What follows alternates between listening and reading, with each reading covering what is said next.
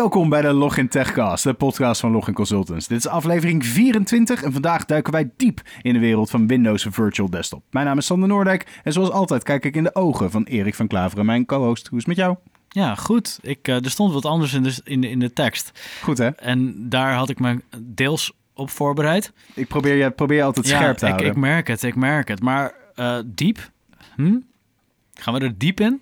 We duiken heel erg diep erin. Dit was een deep dive, toch? Ja, Kom op. Ja, nee, dat is zeker waar. Ik, heb- Er zit hier een, een vermoeid lijk uh, bij ons in, aan tafel. Nou, inderdaad. Dat is een uh, zeer vermoeid ogende Christian Brinkhoff. Christian, hoe komt dat? Ja, dat valt eigenlijk wel mee hoor. Dus uh, jullie zijn heel goed in overdrijven en een perceptie neerleggen bij de luisteraar. Nou, maar je- ik, kom, uh, ik kom uit uh, Seattle. gisteren gearriveerd in Nederland, dus 9 uur tijdverschil. Dus een klein beetje een jetlag. Maar de, het enthousiasme is nog steeds aanwezig hoor. Dus Kijk, geen is probleem. het zo overdreven? Want je moest eerst koffie hebben, je moest wat rondjes lucht hebben. Ja, maar die zitten er inmiddels in, dus we kunnen, we kunnen gaan. je steekt inmiddels ook al een beetje af tegen de muur, zeg maar, de witte muur. dus dat gaat, gaat ongetwijfeld helemaal goed komen. Nou, laten we je rustig gaan, gaan opwarmen. Dan beginnen we natuurlijk, zoals jou wel bekend, met uh, een korte inquisitie. Vijf vragen waarin we je voor een keuze stellen en een snel antwoord willen. Later mag je altijd uitweiden. Yes. Focus op de klant of de oplossing? Op de klant. Hyperconverged of cloud? Cloud. Podcast of presentatie? Hmm, dat is een hele lastige. Um, presentatie. Nieuwe tech of iets compleet doorgronden? Uh, compleet doorgronden. Blikje of flesje? Flesje. Ja, echt? Jazeker, ik heb er nu eentje voor mijn neus staan. Ja, dat is, uh, dat is zo. Maar dat was het enige wat ik je kon aanbieden. Ik ben persoonlijk echt meer van een blikje, zeg maar. Echt waar? Ja, maar... cola wil ik uit een blikje, niet uit een flesje. Oh ja, daar, daar zal het me niet zo heel veel uitmaken. Maar als het zeg maar op alcoholische versnaperingen neerkomt... Mm. dan heb ik toch echt wel liever dat flesje als een blikje. Ja, of, of, of het is zeg maar een faxe en dan, dan hebben ze dat in litervorm. En dan denk ik, ja, doe dan toch maar dat blikje. Ja, precies. Wel. Dat, dat vind ik het lastige van een blikje. Om even helemaal af te halen van het, uh, van het onderwerp. dus dat als je een blikje openmaakt, moet je hem in één keer helemaal opdrinken. Een flesje kan je dichtdraaien en dan kan je hem bewijzen van weer... Maar het is meteen een excuus om goed te beginnen. Ja, nee, ja, dat is zeker Laten we dat doen. Wil je nog uitweiden op een van de goede vragen? Uh, nou ja, ze waren eigenlijk wel vrij, uh, vrij makkelijk. Uh, presenteren of podcast. Nou, podcast is natuurlijk wat vrijblijvender, wat makkelijker, wat, uh, ja, wat speelser als het ware. Als oh, het is grappig dat je dat trouwens zegt, dat het makkelijker is. Want ik, we hebben juist bij heel veel mensen dat ze zeggen, nou, het is lastig, want je weet niet wat je kan verwachten. En een presentatie zit in je hoofd. Nou, ik zou, ik zou juist het, het tegenovergestelde ja, antwoorden op die, op die vraag, omdat... Uh, ik, ik zelf ervaar juist een podcast als uh, een, ja, een hele makkelijke opstap naar uh, bijvoorbeeld het presenteren. Want je kan hier juist ja, heel, heel makkelijk vrij uitpraten zonder publiek erbij bijvoorbeeld. Bij mij is het eigenlijk andersom geweest. Dus ik begon was aan podcast nadat ik begon te presenteren. Maar ik snap wel dat als je het andersom zou doen, dat het best wel ja, motiverend voor je kan zijn als het ware. Ja. Cool, cool, cool. Nou ja, voordat we er inderdaad diep in gaan duiken, hebben we nog één opdracht voor je. En dat is de pot van Huip en Martin. En daar staat voor je, die mag je openmaken. En dan mag je daar een vraag uit gaan pakken om uh, voor te gaan lezen. Inmiddels jou bekend. Ja, het zijn uh, random vragen. We uh, hebben geen idee wat erin nee. zit. Dus als je... Nou, dit heb ik ook altijd een keer. Dit, dit is het geluid uh, van Login, de, de Login Techcast. De, de het, geluid, het, het, geluid van de techpot. Dat is, het antwoord is al gegeven, mensen. Welke stad vind jij de place to be? Volgens mij is dat eenzelfde Volgens mij hebben we die al een keer gehad, dus, dus pak maar eentje uit het midden. Een andere. Game jij wel eens? Zo ja, welke spelletjes hebben jouw voorkeur? Nou, dan zit ik tegenover twee heren die daar heel makkelijk antwoorden. Of juist misschien niet. Misschien is het een bepaalde challenge. Zag je mijn ogen ja, oplichten? Ja, ik, ik, ik, zag je twee hele, twee ik, hele ik, ik denk dat mensen. het, dat het sowieso wel een lastige vraag is voor ons. Want we hebben allebei ons voorkeuren. Ligt eraan, bij mij ook heel erg aan het moment. Ja, precies. Ja, ik, ik speel eigenlijk vrijwel uh, geen spelletjes. Ik heb wel een, uh, een, een Xbox bijvoorbeeld. Uh, maar die is uit de doos gegaan. Die is twee keer gebruikt voor een Blu-ray film af te maar spelen. ook geen Candy Crush op je nee, telefoon of zo? Niet. In dat nee. vliegtuig net naar Seattle? Nee, ja, daar schrijf ik of een artikel of lees ik een boek. Dat, ik probeer mijn tijd zoveel mogelijk te benutten als het ware. om, om, om community werkzaamheden of, of werk te doen. Vandaar de weinig slaap. Uh, nee, ja, dat is gewoon vanwege de jetlag deze keer. Normaal slaap ik allemaal prima. Uh, maar uh, wat is mijn beste of mijn leukste spelletje? ik heb vroeger natuurlijk wel wat spelletjes gedaan. Dat was eigenlijk ja, FIFA eigenlijk. Dus okay. voetbal. Ja. En welk jaar hadden we het dan over? Want FIFA is altijd zo'n jaarlijkse Ik denk de laatste 2015 is geweest, 2016. Okay. Oh, dat is nog wel recent. Ja, niet okay. heel ver weg. Nee. Cool. Ik dacht je gaat nu aankomen met ja, ik speelde vroeger Commander Keen. En nee. dat was een beetje waar ik, waar ik bleef. Maar... De vader van, van de, de Marine dude ja. van Doom. Ja, nieuwsflash, er is een nieuwe Keen game. Oh, echt? Ja, daarom. Maar daar, laten we, daar houden we het bij. Laten, nee! we, laten we bij het begin... Daar gaan we het over hebben. Nee, daar gaan we het niet over hebben. Laten we bij het begin gaan beginnen. Want we zitten hier natuurlijk voor Windows Virtual Desktop. Een uh, onderwerp dat we al vrij vaak hier aangesneden hebben. Maar vandaag mag je er eindelijk alles over vertellen. Dus laten we even bij het begin beginnen. Wat is het? Ja, het is uh, vrij, uh, vrij ja, leuk om te delen als het ware. ik heb hier een no, na begin uh, oktober volgens mij gezeten. Rond oktober ergens omtrent de Windows Virtual Desktop. Samen met uh, Mark Plettenburg. en daar hebben we gesproken over ja, de ontwikkelingen die zijn aangekondigd op Ignite onder andere. toen, op dat moment, was ik nog werkzaam voor FS Logics. En uh, na de uh, acquisitie van Microsoft, uh, van Logics in, in november, ben ik in, inmiddels onderdeel van Microsoft. Ben je dan ook echt zeg maar vol werknemer van Microsoft? Of is dat Yo, een soort hij heeft van de onderbroek en de schoenen aan, dus... nou ja, ik, uh, ik werk als, als uh, external operations team. Dus ik ben een, uh, een contractor als het ware. dus ik heb wel gewoon alle privileges als een interne medewerker. Mm. Ik zit ook gewoon in het Windows Virtual Desktop en het Avast Logics team binnen Microsoft. Dus ik ben ook drie dagen geleden, wanneer het uitgezonden wordt, twee weken geleden in, in Redmond geweest. ook op het kantoor waar, waar het RDS-team bijvoorbeeld zit. interessante meetings gehad. Dus wat dat betreft is er geen, geen onderscheid. dus uh, ja, nee, ja, precies dat. Ja. En daar mag je natuurlijk niet al te veel over, over kwijt. Maar hoe is dat dan om daar te zijn? Om ineens zeg maar een heel, uh, echt een miljoenenbedrijf als nieuwe collega's ik zag foto's. Het was volgens mij koud. Ja. Dat het, was, uh, het was een van de uh, weekende dagen uh, wanneer het sneeuwde. En ook echt heel flink sneeuwde. Het werd ook Snowmageddon 2019 genoemd. Snowmageddon. ja. dus er was, de eerste dag dat ik er kwam was er 20 centimeter sneeuw gevallen. En de derde dag dat ik er was nog eens een keer 20 centimeter bovenop. Dus uiteindelijk lag er ongeveer ja, 40 centimeter sneeuw. wat ook wel leuk is, dan kom je daar op de campus. dan wordt daar niet gestrooid bijvoorbeeld, zoals hier in Nederland. Ze zijn daar niet voorbereid op, op sneeuwval. Maar dus, hoe was het vliegen? Dat, dat is het eerste wat mij in mijn hoofd... Uh... Ja, toen, ik, toen ik aankwam, uh, was er nog geen sneeuw gevallen. Of er was wel sneeuw gevallen, maar alles was al inmiddels van de landingsbaan... Uh, of de, ja, de verschillende uh, taxibanen weggehaald. Dus ik kon gewoon netjes daar, uh, daar arriveren. Maar als het sneeuwt, dan ligt het hele vliegverkeer gewoon plat. Dus collega's van mij die naar Nederland zouden gaan, die zou ik een dag eerder als dat ik zou gaan vertrekken. En al die vluchten waren, waren geannuleerd. Dus ik zat, ik, zat, wow. ik zat in de lobby van het hotel. En op een gegeven moment kwamen ze gewoon allemaal weer binnen. ja, nee, dat, heb ik ook wel eens meegemaakt inderdaad. Dat, met, met, met een vlucht later had ik, had ik dan, dan kom ik aan en dan zie je nog steeds mensen hamburgers eten. Van, hadden jullie niet een vlucht moeten hebben? Nee, beide. Ja, nee, ik, ik heb uh, dan wel meegemaakt dat ik dan een half uur vertraging had. Omdat ze eerst het vliegtuig gingen de-icen en hmm. de baan gingen scrubben. Maar dat is ook wat je wil. Daar ben je blij mee dat ze dat ja, doen. nee, oh, dat, dat snap ik absoluut. Maar joh, helemaal niks. Nou ja, je moet het zo zien. Als je een vlucht vanuit Seattle naar Amsterdam hebt, dan is dat 10 uur vliegen. En de crew aan boord, die mag volgens mij maar maximaal 14 uur werken. Dus als jij op een, uh, op een, een, vliegveld staat in een vliegtuig en het begint net te sneeuwen, dan gaan ze de-icen. Maar als het de-icen bijvoorbeeld te traag gaat, of ze hebben maar vier de-ice apparaten staan, omdat ze het eigenlijk ja, gewoon geen gebruiken normaal gesproken, uh, dan, dan, dan kom je op een gegeven moment op een punt dat je moet wachten op de de-ice. Zit je al in het vliegtuig, gaat het meer sneeuwen, uh, de-ice gaat te laat en op gegeven moment zit je in een tijdspanne dat, dat de crew eh, niet meer mag vliegen. En dat had, hadden collega's van me. Dus die moesten gewoon terug, omdat het gewoon ja, geen tijd meer was voor de crew om terug te vliegen. Dus die moesten dachten, hè. Oké, al dit vliegtuig- en sneeuwprotocol is echt fascinerend. Maar je hebt niet mijn vraag beantwoord. Wat is Windows Virtual Desktop? Ja, Windows Virtual Desktop is de, uh, ja, de RDS Platform as a Service Control Plane offering uh, vanuit Microsoft Azure. Dus eigenlijk een geredesignde born in the cloud oplossing uh, op basis van eigenlijk ja, de gedachte van remote desktop services, maar dan vanuit een cloud perspectief. Dus alleen het managen van de images is, is verantwoordelijk, de verantwoordelijkheid van de, van de klant of van de partner. En de rest valt allemaal eigenlijk onder de Infrastructure as a Service dienst van Azure mm -hmm. of, of de, ja, de, de platform services van Windows Virtual Desktop ook eh, in, eh, in, in de managed vorm vanuit Microsoft. En dat is iets wat Microsoft nog nooit gedaan heeft. Dus ze hebben nog nooit een managed service oplossing op basis van remote desktop VDI aangeboden. Dus dat is toch wel iets interessants. Niet zozeer remote desktop natuurlijk, maar Exchange Online jaren terug is feitelijk hetzelfde natuurlijk. Ja, precies. Dat is vanuit een ja, Exchange, hosted Exchange omgezet naar Exchange Online. En dat is nu eigenlijk het ja, het, het, platform waar iedereen nu naartoe migreren is. Dus Exchange Office 365, uh, inderdaad. Ja. Maar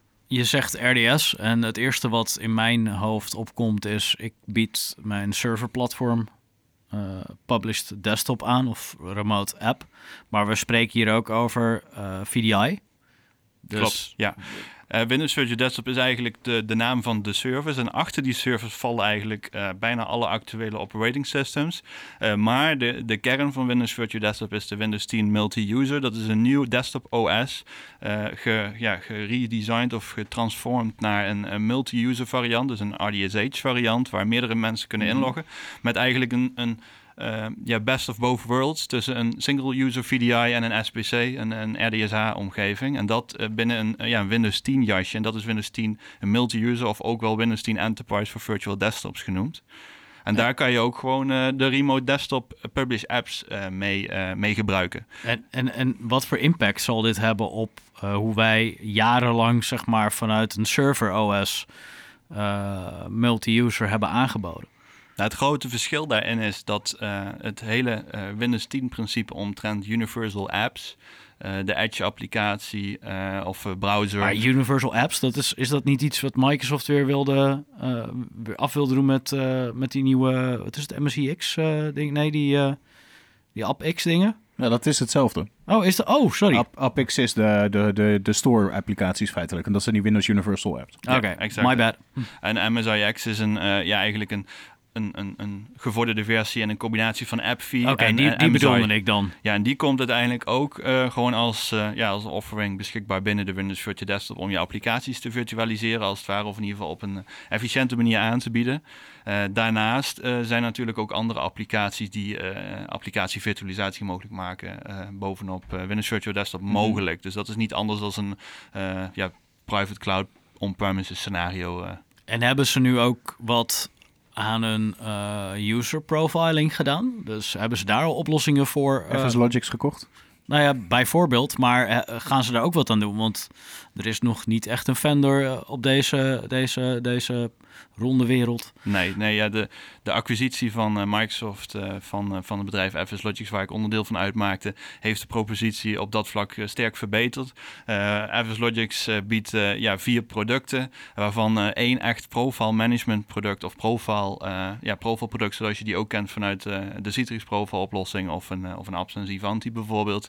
en dat heet de profile container en die zal standaard als basisfundament voor de Windows Virtual Desktop dienen, waardoor jouw volledige user profile of 365 services eigenlijk alles gecaptured wordt in een, een container, een VAD-container. En die wordt door middel van een filterdriver technologie uh, onder water. Dus het operating system weet niet eigenlijk dat die, ja, dat die actief is. Dus tussen het file system en het. Uh, en het operating system actief is door middel van filterdrivers. En die worden dan weer uh, doorgeloodst naar of een SMB-locatie binnen Azure of Azure Storage Blob bijvoorbeeld.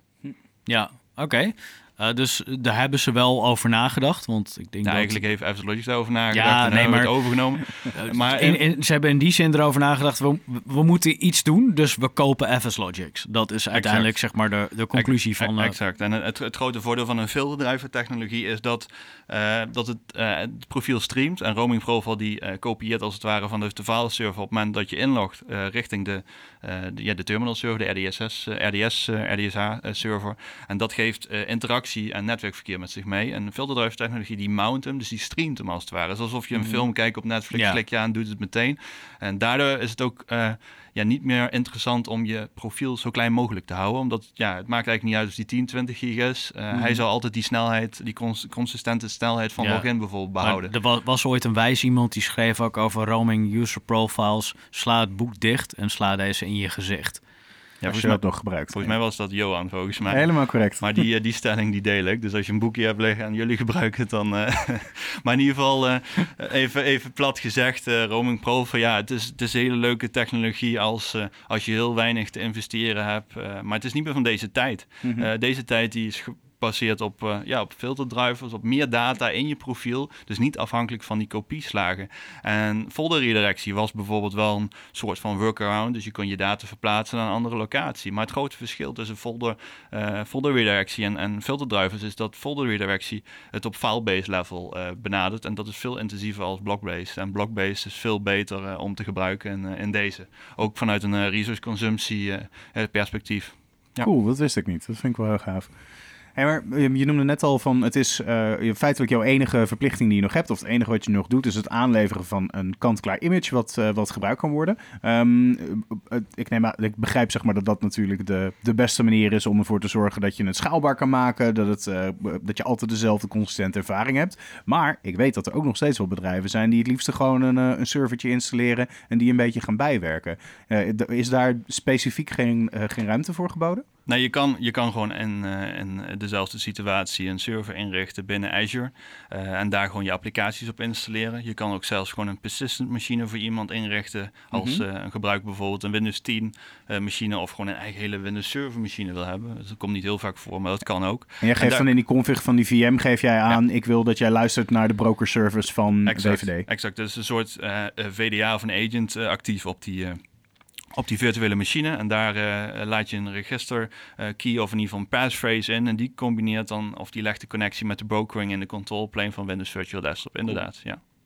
Okay. Ik, heb daar, uh, ik heb daar nog een vraag over. Ja, nee, ga, ga, jij maar. Ik, ik, ik, ik, ik had een vraag aan jou. Ik denk van, joh, welk bedrijf heeft zoiets van, joh, ik, ik wil dit per se doen. Ik wil graag die inrichting graag blijven doen willen dit doen, is denk ik niet de goede vraag. Welk bedrijf heeft mensen in dienst die dit al jaren op deze manier ja, doen? Misschien wel, maar dat is wat je net zei. Ja, maar er zijn bedrijven die dit, dit graag willen. Ik kan me niet voorstellen dat er een bedrijf die zegt... ja nee, maar, maar dat doe ik graag. Nee, nee, nee, nee, nee. Dat, dat ben ik met je eens. Maar er zijn wel heel veel beheerders die doen wat ze gewend zijn. En daarom vond ik het een interessante vraag. Omdat je daarmee eigenlijk... We, hebben het, we hadden het laatst hadden we het over van... ja, uh, eigenlijk zou je eens een keer het nee moeten zeggen... tegen oude applicaties om moeten ondersteunen. Ga je applicatie maar schrijven voor het nieuwe OS. Feitelijk is dit dezelfde situatie. Van jij bent gewend om het op die oude manier te doen, maar die nieuwe manier is zoveel beter. Alleen zou je het moeten doen en, en, zou dit een, een, stok achter de deur kunnen zijn. Misschien is het daarom wel een leuk bruggetje naar, naar iets anders wat, waar we nog een podcast over moeten gaan maken, is met de integratie van AI en monitoring en automation en mhm. orchestration.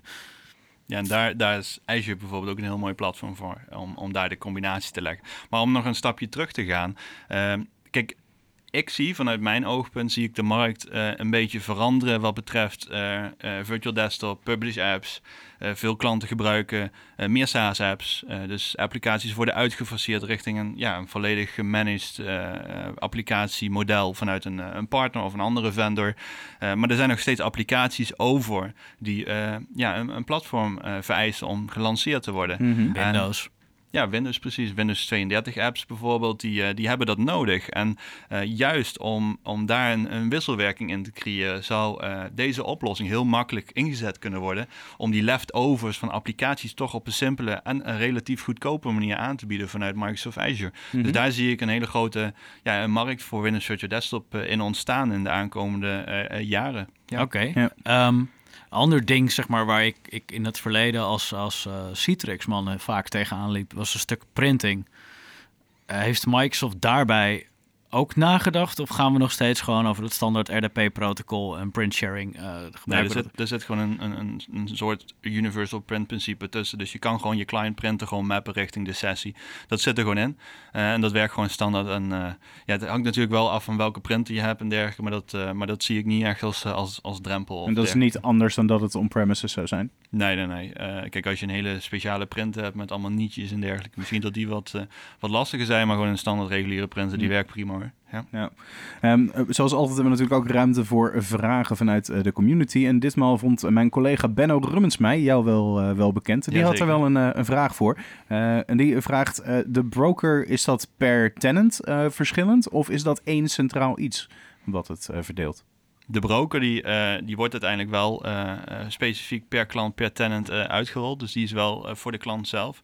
Dus die share je niet als het ware. Nee, nee. Dus als dat het antwoord op zijn vraag is volgens dus dat is niet centraal en gedeeld, waardoor je... Het is, het is een, je moet het zo zien dat eh, Windows Virtual Desktop was uiteindelijk het project RDMI. Mhm. En RDMI was nog eh, het project waar je alle rollen eigenlijk zelf moest, eh, moest implementeren binnen Azure. En alles draait op basis van app services op, op Azure. En dat is eigenlijk een, een multi-tenant vorm van het hosten van servers. Je moet het eigenlijk zo zien als het gebruik maken van bijvoorbeeld een ISS-website binnen de server, maar Mhm. dan eh, ja, verschillende tenants als het Feitelijk was je nog steeds gewoon dezelfde omgeving aan het uitrollen. Je Ja, moest het exact. alleen zeg maar aanklikken en de veldjes invullen. Pre- Precies. En eh, de brokering werkt eigenlijk een beetje op hetzelfde multi-tenant principe. Dus het is wel een, een eigen tenant, maar wel op de, op de geshared hardware als het Mhm. ware. Dus dat is wel het geval, maar je deelt niet de broker met elkaar. Nee, dat zeker niet. Alright. Ehm, dus eigenlijk alles is volledig gescheiden. De security is daar ook geen issue in. Nee, het is jouw tenant. Die wordt Mhm. ook per klant specifiek aangevraagd. Die krijgt ook een eigen naam, een tenantnaam. En die mag je gewoon zelf beheren. Ja. Kan je applicaties op toewijzen, desktops aan toewijzen. Eh, ben je gewoon vrij in om daar eh, alles in toe te passen. En vervolgens krijg je ook een, eh, een web access, een broker, webportal beschikbaar. En daar kan je dan op inloggen op basis van Azure AD en Azure MFA. En die legt dan uiteindelijk de combinatie naar, jouw eh, naar jouw Azure-omgeving op basis van, van normal Classic Active Directory. Maar de, op zich de vraag is, is, vind ik ook een beetje gek. Want je krijgt bij iedere cloud-oplossing eigenlijk je eigen segment, toch? Ja, dat klopt, dat klopt. Maar het eh, voorbeeld wat wij erbij aanhaalden is dat als je er naar, eh, als je het in zou zetten, wordt er geconnect naar wvd.microsoft.com, zeg ik Ja, even heel klopt. globaal uit mijn Ja. hoofd. Het was één benoemer. En daaruit eh, trok hij dat het mogelijk misschien een één centraal gedeeld iets is. Maar het zal waarschijnlijk een collectiepunt zijn wat je door Ja, exact. En de broker is echt een separaat, Ja. eh, separate service. Dus die is echt gescheiden. En er zitten ook geen limitaties aan. Dus mocht je bijvoorbeeld een enterprise klant zijn met uh, bewijzen van eh, 20.000 desktops, dan kan het gewoon netjes eh, via die broker Mhm. naar binnen. Dat is allemaal geen probleem. Oké. Nee. Hey, moet ik deze servers en desktops in Azure draaien? Of zou ik het ook een host vanuit mijn eigen datacenter kunnen aanbieden? Nee, op dit moment is het alleen nog een echt een Azure-only service. Vanaf de eh, public preview die in Q1 van dit jaar eh, naar buiten wordt gebracht, eh, is het alleen in de USDS, U- East US 2 eh, mogelijk. en daar kan Niet je... voor alle regio's. Nee, niet voor alle regio's, maar dat zal na GA, wat naar verwachting eh, eh, midden dit jaar ook eh, beschikbaar eh, komt, eh, zal het eh, uitgebreid worden naar alle Azure-regio's. Dus elke Azure-regio eh, zal uiteindelijk eh, Windows Virtual Desktop Hm. de control plane kunnen uitrollen. Eh, wel als eh, extra, als je eh, jouw control plane bijvoorbeeld in, eh, in de US actief is, kan je wel gewoon natuurlijk gewoon je connectie maken richting eh, West Europe, om daar je broker of je, eh, je workers in, in te plaatsen. Zeker, Mhm. dus dat is geen limitatie. Het is alleen dan de control plane die dan nu bij de public preview nog even in een aparte regio Ja. staan. Oké. ehm, buiten dat zeg maar ik nu eh, dan Windows 10 multi-user zou kunnen afnemen vanuit Azure. ehm, in hoeverre is dit anders dan eh Xen Desktop of Citrix Virtual Desktop of eh, Horizon. Hori- Horizon? Hoe, hoe, hoe is dit anders? Want ik, ik hoor nog niet, niet een, een, een verschil daarin. Nou ja, wat, wat ik al zei, de, de use case voor eh, VDI is een beetje aan het veranderen. Dus eh, klanten willen meer een publish app als een eh, volledige VDI desktop. In ieder geval, dat hoor ik veel terug. Vanuit het licentiemodel voor Windows Virtual Desktop krijg je de service bij Microsoft 365 E3 of E5. En daar zit gewoon de hele service en de tenant control plane zit daarbij in. Dus het zou een kostenaspect zijn waarvoor je eerder voor dit zou kiezen dan dat je licenties bij Ja, een VMware of een Citrix afneemt. ik denk dat je heel erg eh, je moet afvragen binnen je business welke eh, features je allemaal nodig hebt binnen jouw virtual desktop omgeving. En eh, ik denk dat redelijk veel features gewoon passen in de standaard native Windows Virtual Desktop Service. En daar kan al redelijk een kostenbesparing in worden toegepast. En het protocol, het RDP-protocol, is tegenwoordig van, van dermate kwaliteit dat dat wel ja, applicaties gewoon simpel kan aanbieden. En de andere toevoeging daaraan is, is dat de Windows Virtual Desktop ook heel makkelijk integreert via de, eh, de agent die beschikbaar komt. En daar kan je ook gewoon bijvoorbeeld eh, in, in het startmenu applicaties publiceren die bijvoorbeeld via Azure gela- gelanceerd worden. Eh, dus ja, dat is, de, dat is denk ik de grootste use case. Mocht je echt heel veel enterprise features nodig hebben, eh, bijvoorbeeld Citrix, eh, die Citrix eh, levert via het HDX-protocol bijvoorbeeld. Ja, zoals GPU's en dat soort dingen. Dat, Die kan Azure ook afnemen, Dat, toch? dat kan je gewoon in Windows ja, maar kan, krijg ik ze ook terug? Krijg, worden ze ook netjes over het protocol heen ge- ge- gecodeerd en eh, gedecodeerd? Er zitten enhancements op het protocol voor, eh, eh, voor, voor grafische eh N-series van, van Nvidia bijvoorbeeld. Dat zit erin. Uh, maar mocht je bijvoorbeeld HDX willen van Citrix, dan is dat ook gewoon mogelijk, omdat Citrix een, uh, ja, een partner is van de Windows Virtual Desktop en hun eigen oplossing aanbiedt bovenop de Windows Virtual Desktop. Dus mocht je daar uh, ja, vraag naar hebben of bijvoorbeeld andere componenten van Citrix daarmee willen gebruiken die nodig zijn voor jouw business, dan adviseer ik om die te gebruiken. En die zal gewoon volledig binnen de control plane van Windows Virtual Desktop integreren door middel van, van API's. Uh, dus, dus dat kan je gewoon blijven gebruiken. Dus daar is ook gewoon een weg voor. Alleen, uh, zoals ik al zei, er zit een bepaalde wisselwerking in van wat heb ik nodig, wat niet. En daar kan je waarschijnlijk een hele grote kostenbesparing in, in door, doorbelasten voor, voor, jou, voor jouw afdeling. Ja. Oké, maar ik, ja, ik, ik zie die enterprise functies dan nog niet extra erbovenop. Kun je er eens enkele benoemen? Nou, Windows Studio Desktop is vanaf het releasen nou, redelijk uh, goed beschikbaar in ja, normale features die je ook ziet in een normale eh, VDI-omgeving. Eh, dus het maken van een base image, daar je applicaties in installeren en die dan vervolgens repliceren richting meerdere servers. Dat is allemaal mogelijk. Uh, ga je wat verder, dus wat meer richting de protocollen, uh, optimalisaties en dergelijke, dan uh, zal op dit moment ja, Citrix misschien nog een hele goede uitkomst zijn op basis van Windows Virtual Desktop. Maar weet dat de Windows Virtual Desktop ja, aan het uitbreiden is op basis van features die eraan komen. Mhm. dus, dus het kan best zijn dat nu bijvoorbeeld een feature er niet in zit, maar bijvoorbeeld over drie maanden wel. Omdat het RDS-team, het Windows Virtual Desktop team, op dit moment heel hard bezig is om ja, de, de, de hoeveelheid features uit te breiden binnen binnen, de, binnen de service zeker. Hm. Hoe gemakkelijk integreert dit met uh, het lokale netwerk? Of is het juist de beste use case om uh, ervoor te zorgen dat dit een compleet gescheiden omgeving is voor je mensen die extern werken bijvoorbeeld? Ja, het hangt er helemaal vanaf. Als je een applicatie hebt die dichtbij uh, bij de server moet, moet draaien, waar de applicatie zelf op draait, dus bijvoorbeeld een database server of dergelijke, dan, ja, dan zou ik adviseren om die gewoon richting Azure dan te migreren en daar dan te lanceren. maar technisch gezien kan je vanuit Azure ook gewoon een express route of een, een SD-WAN mhm. of een site-to-site opbouwen naar je on-premises omgeving. En, uh, en vanuit daar gewoon over dat netwerk een applicatie starten. Dus het is niet noodzakelijk om alles in Azure dan te hebben draaien. Nee. Maar is dat dan ook een situatie die je meer ziet? Dat er uh, altijd toch meer naar een hybride oplossing gezocht wordt? Of zie je ook echt bedrijven nu de cloud-only feitelijk uh, gaan accepteren op dit onderdeel? Nou, ik denk sowieso dat hybride de aankomende 10, 15 jaar een hele belangrijke is. Mm -hmm. uh, vanuit een migratieperspectief. Zeker, maar ook vanuit de, ja, de noodzaak om lokaal dingen te hebben draaien. Omdat er bijvoorbeeld apparaten richting uh, de lokale servers connecten en die dan bijvoorbeeld weer naar de cloud. Als een soort van bridge als het ware.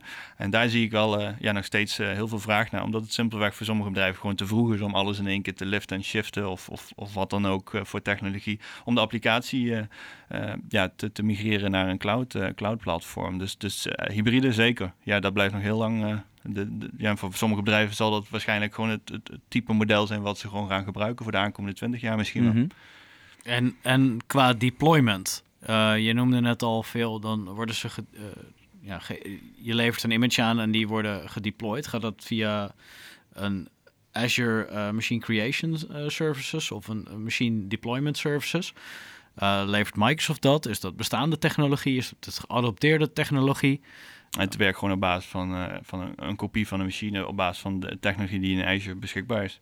Dus het maakt gewoon een kopie, een snapshot van, uh, van de master VM als het ware. En die repliceert die dan richting de, ja, de workers, de, de Windows Virtual Desktop uh, host die je dan wil gaan gebruiken. Is het vergelijkbaar met uh, linked clouds of met machine creation service? Uh, ja, in, Instant in, een, in, een, in een soort gelijk niveau. Um, echter, één, één puntje die wel aan te merken is, is dat het als je de service reboot, dat hij de changes wel blijft onthouden. En dat is een feature die staat op de roadmap, dat, dat gaat er wel bij komen. Dus dat als je reboot, dat, dat non-persistent is als het ware vanuit die perspectief verhouding. De workers zijn non-persistent. Ja, op dit moment zijn ze persistent. Op dit moment zijn ze persistent, maar dat, daar gaan we naartoe dat dat het niet is. In combinatie met een uh, profile container van FS Logics uh, haal je eigenlijk de profieldata weg van de VM. Dus eigenlijk hou je hem eigenlijk gewoon, ja, gewoon schoon op, uh, op profielvlak. maar data die je installeert op die servers, die zal wel bewaard blijven als je reboot. in ieder geval op dit moment. Hm. Ja. Wat betekent dit voor on-premises RDS? Uh, On-premises RDS uh, heeft nog steeds de focus binnen Microsoft. Dus uh, ja, Server 2019 heeft ook nog gewoon de RDSH-rol. dus dat is gewoon mogelijk. en ja, ik zie daar ook nog wel vervolg uitkomen. echter is wel ja, de, de cloud-gedachte binnen het bedrijf... met natuurlijk Office 365 en Microsoft 365... ja, wel wat meer onder de aandacht. dus ja, ik, ik, we moeten het zien hoe dat zich gaat ontwikkelen. Kijk, de klant die vraagt uiteindelijk om om een bepaalde eh, use case. En als dat eh, eh, belangrijk is, dan wordt dat gehonoreerd door Microsoft. Dus dat moet de tijd mhm. leren. En ja, feedback van klanten zal daar een hele belangrijke rol in spelen. Ja, want ontbreken er nu verder nog dingen in waarvan je zegt, joh, die zijn essentieel om dit nu meteen succesvol te kunnen maken? Um, hangt helemaal, helemaal van de use case af. Dus uh, hele grote bedrijven die zullen misschien nog niet helemaal klaar zijn voor Windows Virtual Desktop. Maar ik verwacht wel tot het in de uh, ja, drie, vier maanden nadat mhm. het GA is, totdat uh, door middel van, ja, van feedback van andere klanten wel erin komt te Maar waar ligt dat dan aan als ze er nog niet helemaal klaar voor zijn? Is dat niet eerder dan een gedachtegoed? Of? Want nou, dan, dan ontbreekt er iets. Nou ja, er ontbreekt in principe niks. Je kan gewoon alles op de, op de manier hoe RDS ook aangeboden wordt, kan je gewoon uh, desktops aanbieden. Dus dat is gewoon een use case die gewoon door elk bedrijf gebruikt kan worden. Maar mocht je bijvoorbeeld uh, enterprise features vanuit Citrix gebruiken, uh, waar we net over spraken, dat protocol bijvoorbeeld intensief gebruiken voor optimalisatie en dergelijke, dan kan het zijn dat, dat je nog even moet wachten. Een voorbeeld daarvan is bijvoorbeeld het gebruik van Teams. Teams is allemaal ondersteund in de FS Logics producten, dus je kan Teams als native applicatie binnen Windows Virtual Desktop gebruiken. echter is, de, is het verkeer tussen Teams van vanuit jouw uh, virtuele desktop, jouw multi-user variant, uh, niet geoptimaliseerd. En daar zijn we wel mee bezig. Dat, dat, dat komt eraan. Er komt een offload client principe daarvoor. Maar op dit moment nog niet. Dus mocht dat bijvoorbeeld een puntje zijn, dan zal dat bijvoorbeeld een punt zijn om nog even op Skype for Business te blijven en daar bijvoorbeeld nu voor Citrix te kiezen. Maar dan gaat het erom dat het verkeer eerst weer terug naar het internet gestuurd wordt en dan pas naar Azure gaat. Dus ja, je krijgt latency dingen en vertraging. Exact, exact. En je kan het natuurlijk wel optimaliseren met een uh, express route en dan met een Microsoft pairing en dergelijke. Maar dat, uh, ja, dat wil je eigenlijk niet heel veel, uh, heel mm. veel doen. Um, nee, want daar zit ook weer kosten aan verbonden. Exact. Dus, dus dat, dat zijn dingen die komen er allemaal nog aan. De roadmap is heel erg heel erg lang, dus, uh, dus verwacht dat er nog heel veel verbeteringen komen. Uh, en uh, ja, de focus om, om het product te verbeteren is ook aanwezig vanaf, vanaf het moment van GA. Mm -hmm. Maar het is zeker niet heel beperkt tot eigenlijk geen use cases mogelijk zijn. Het is zeker een, een goed product om, om je desktops en je remote apps op te, op te kunnen landen, zeker. Mhm. de, de, GA die gaat natuurlijk nog wel even op zich laten wachten. Het is nu in private preview, zeg ik uit mijn hoofd. Ik had gedacht of gelezen ooit ergens dat er begin dit jaar al een public preview zou zijn, maar die is er nog niet. Het is inderdaad een private preview. Daar doen uh, ja, heel veel klanten uh, mee die uitgenodigd zijn om, uh, ja, om feedback te geven op de service. Dus daar zijn ook heel veel roadmap puntjes uit, uit ontstaan. de public preview die komt in, in Q1 dit jaar, dus die kan je, kan je vrij snel verwachten.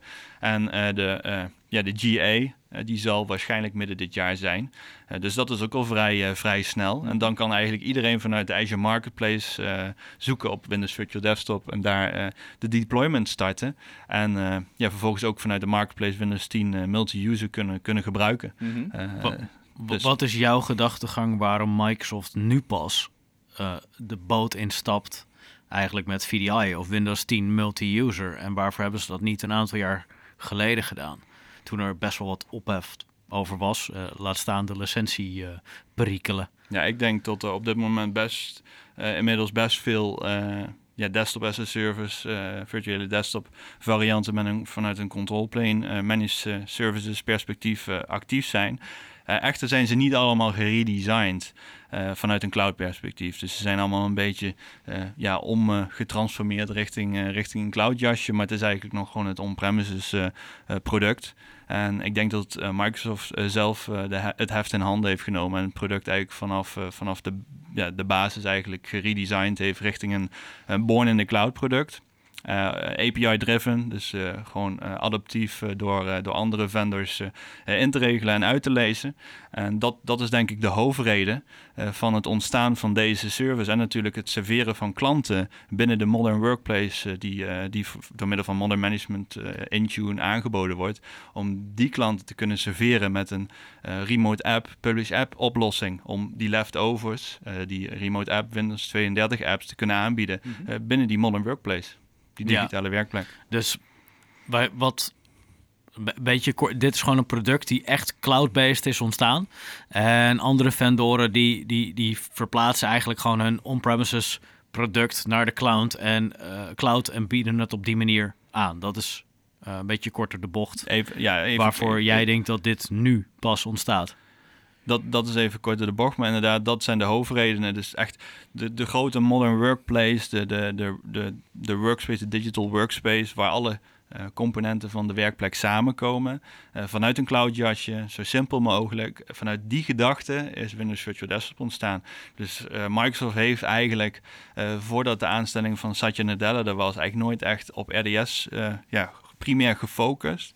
Dus dat is wel echt een, een verandering binnen het bedrijf. Sinds Satya Nadella er is, sinds eh, vier jaar geleden, is RDS ook wel echt eh, een, een- ja, een, een nieuwe inhaalslag ingegaan. En daar is RDMI uitgekomen en daar is nu de Windows Virtual Desktop Service uit ontstaan. eh, in, in samenkomst met, eh, met die voordelen die ik net noemde. Met, eh, Zijn ze niet meer ook met zijn komst gaan luisteren naar wat de wereld precies, ja. graag wilde? ja, precies. Ja.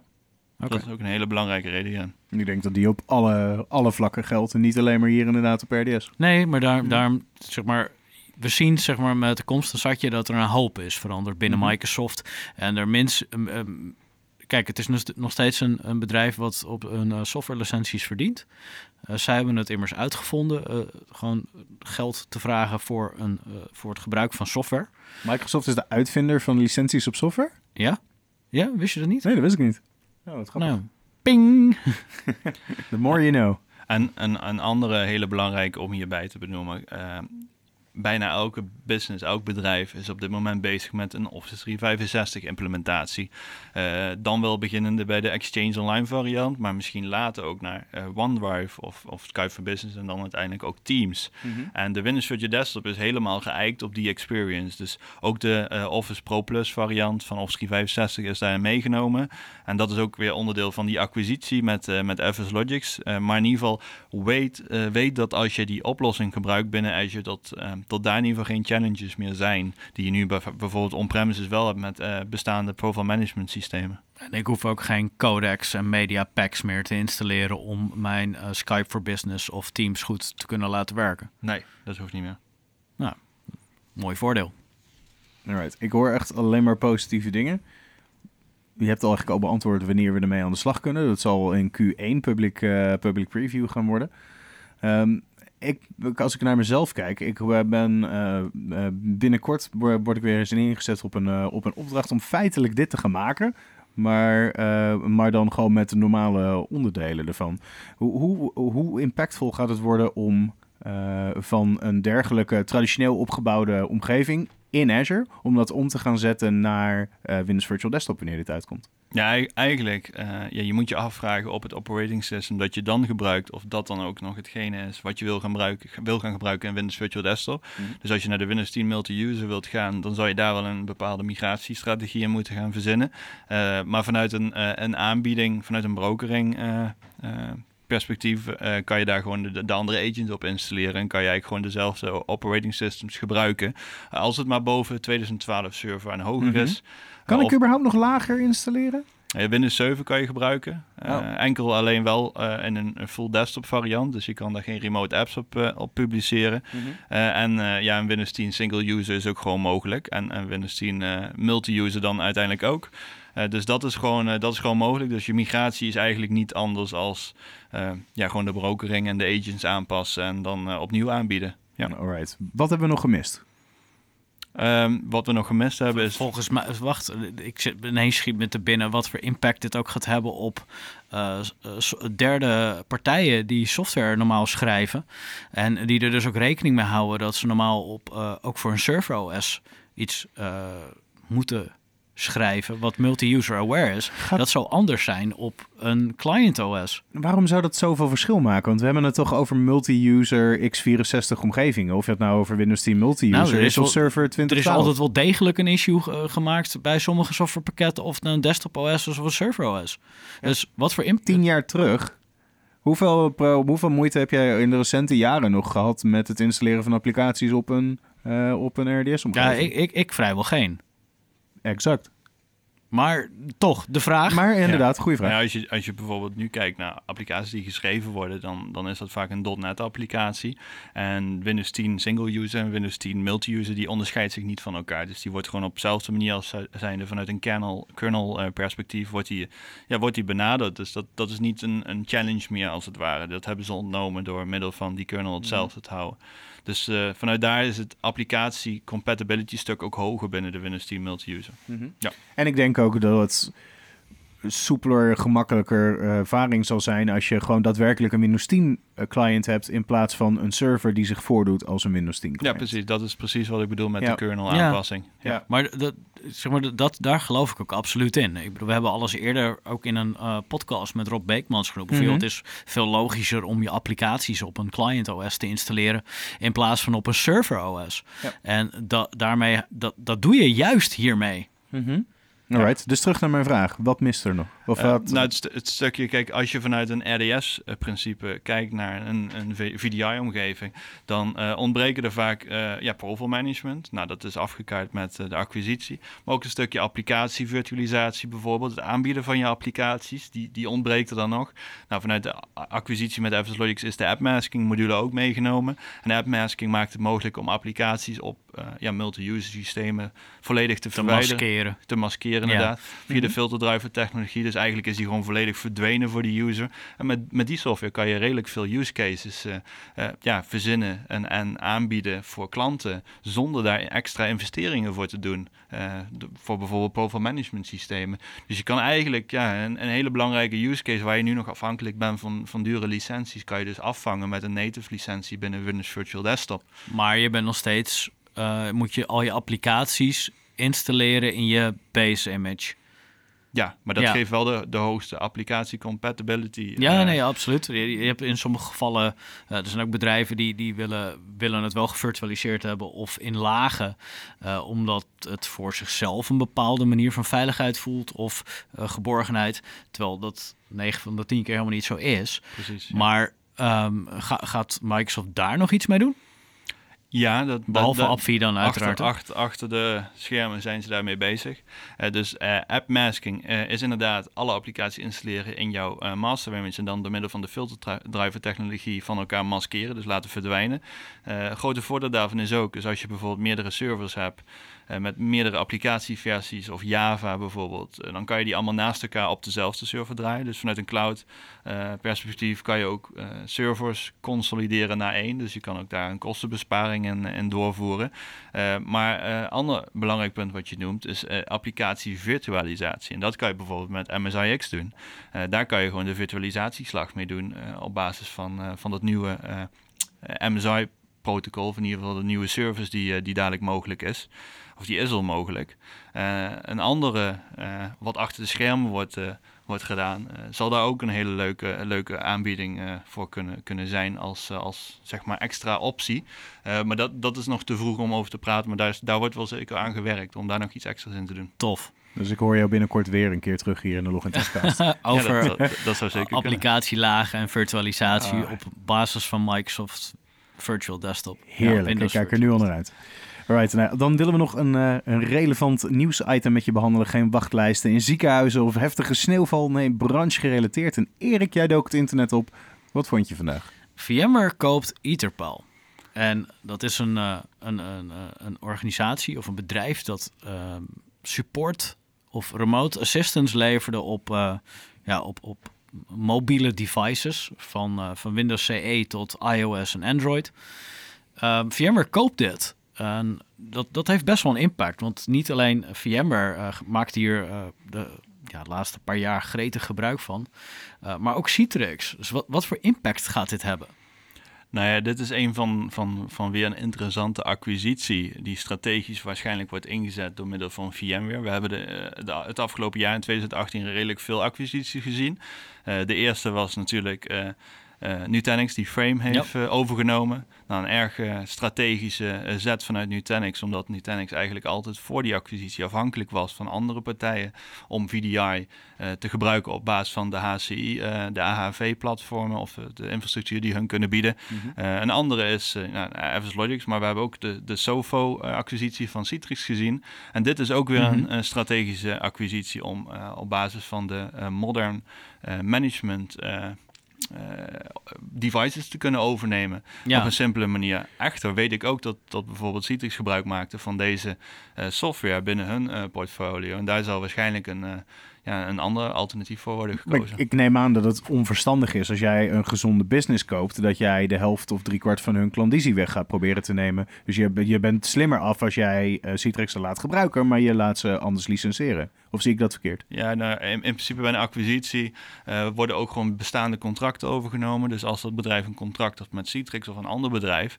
dan loopt dat gewoon nog door. Dat neem je gewoon mee in die acquisitie. Dus het zal niet uh, kunnen dat bijvoorbeeld VMware zegt, uh, ja, we trekken de stekker eruit, want het wordt gewoon overgenomen in, in, in, zeg maar in contracttermen. Dus dat, dat zal voorlopig niet zijn, maar het zal best kunnen dat als het contract verloopt, dat hij niet meer verlengd hm. wordt, zeker. Maar nou, vanuit Citrix perspectief zou het ook best kunnen zijn dat ze naar alternatieven gaan zoeken. Ja, dat lijkt me wel logisch inderdaad. Maar dat is nog denk ik te vroeg om over, over te spreken. Dus uh, ja, interessant. Ik denk dat er nog misschien wel meer acquisities aankomen. Misschien ook nog wel wat grotere. Ik denk uh, dat dat vrijwel zeker is, toch? Dus, uh, dus genoeg om over te praten. Ook wat betreft de features en de use cases binnen Windows Virtual Desktop. Ik denk dat het wel weer een beetje leeft.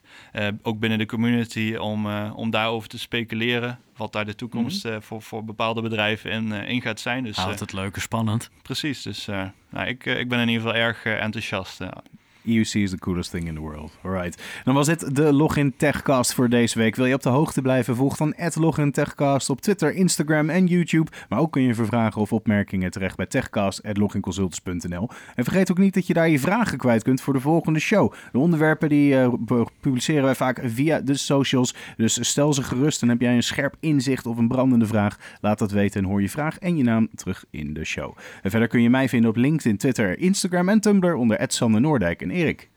Ik uh, doe mee onder diezelfde kanalen, zoals ik altijd al roep. Maar anders kan je ook altijd wel even googlen, zoekt en gij zult vinden. Ja, en Christian, moeten we jou ook googlen of heb je een vaste plek waar we je kunnen vinden? Nou, mij kan je natuurlijk ook googlen. Waarschijnlijk kom je dan uit op mijn website, christianbrinkhoff.com. Uh, Twitter ben ik ook actief. Uh, daar kan je me uh, ja, opzoeken op brinkhoff underscore C, dus brinkhoff underscore C. ik heb ook inmiddels uh, mijn eigen eh, community project met, uh, met Bas van Kamer opgestart. Waar je me kan vinden op boek Project Bite Size. En daar hebben we onlangs ook een podcast over gedaan. Dus mocht je daar geïnteresseerd in zijn, kijk daar ook even op de, op de website. En daarnaast hebben we ook eerder, eind 2018, een, ja, een andere webinar of een podcast gegeven omtrent Windows Virtual Desktop. Dus mocht je daar ook nog iets over willen horen, dan kan je die ook nog even terugzien op de Soundcloud. Alright. Cool. Afsluitend is de Login Techcast natuurlijk twee wekelijks te beluisteren via iTunes, Soundcloud en alle grote podcastdiensten van de wereld. Dus abonneer en deel. En uh, je helpt natuurlijk de show ook verder door wat commentaar of een rating achter te laten. Dat wordt erg, erg gewaardeerd. Dan bedank ik mijn co-host, onze gast Christian en jou als luisteraar. En tot over twee weken bij de volgende Login Techcast. Ciao.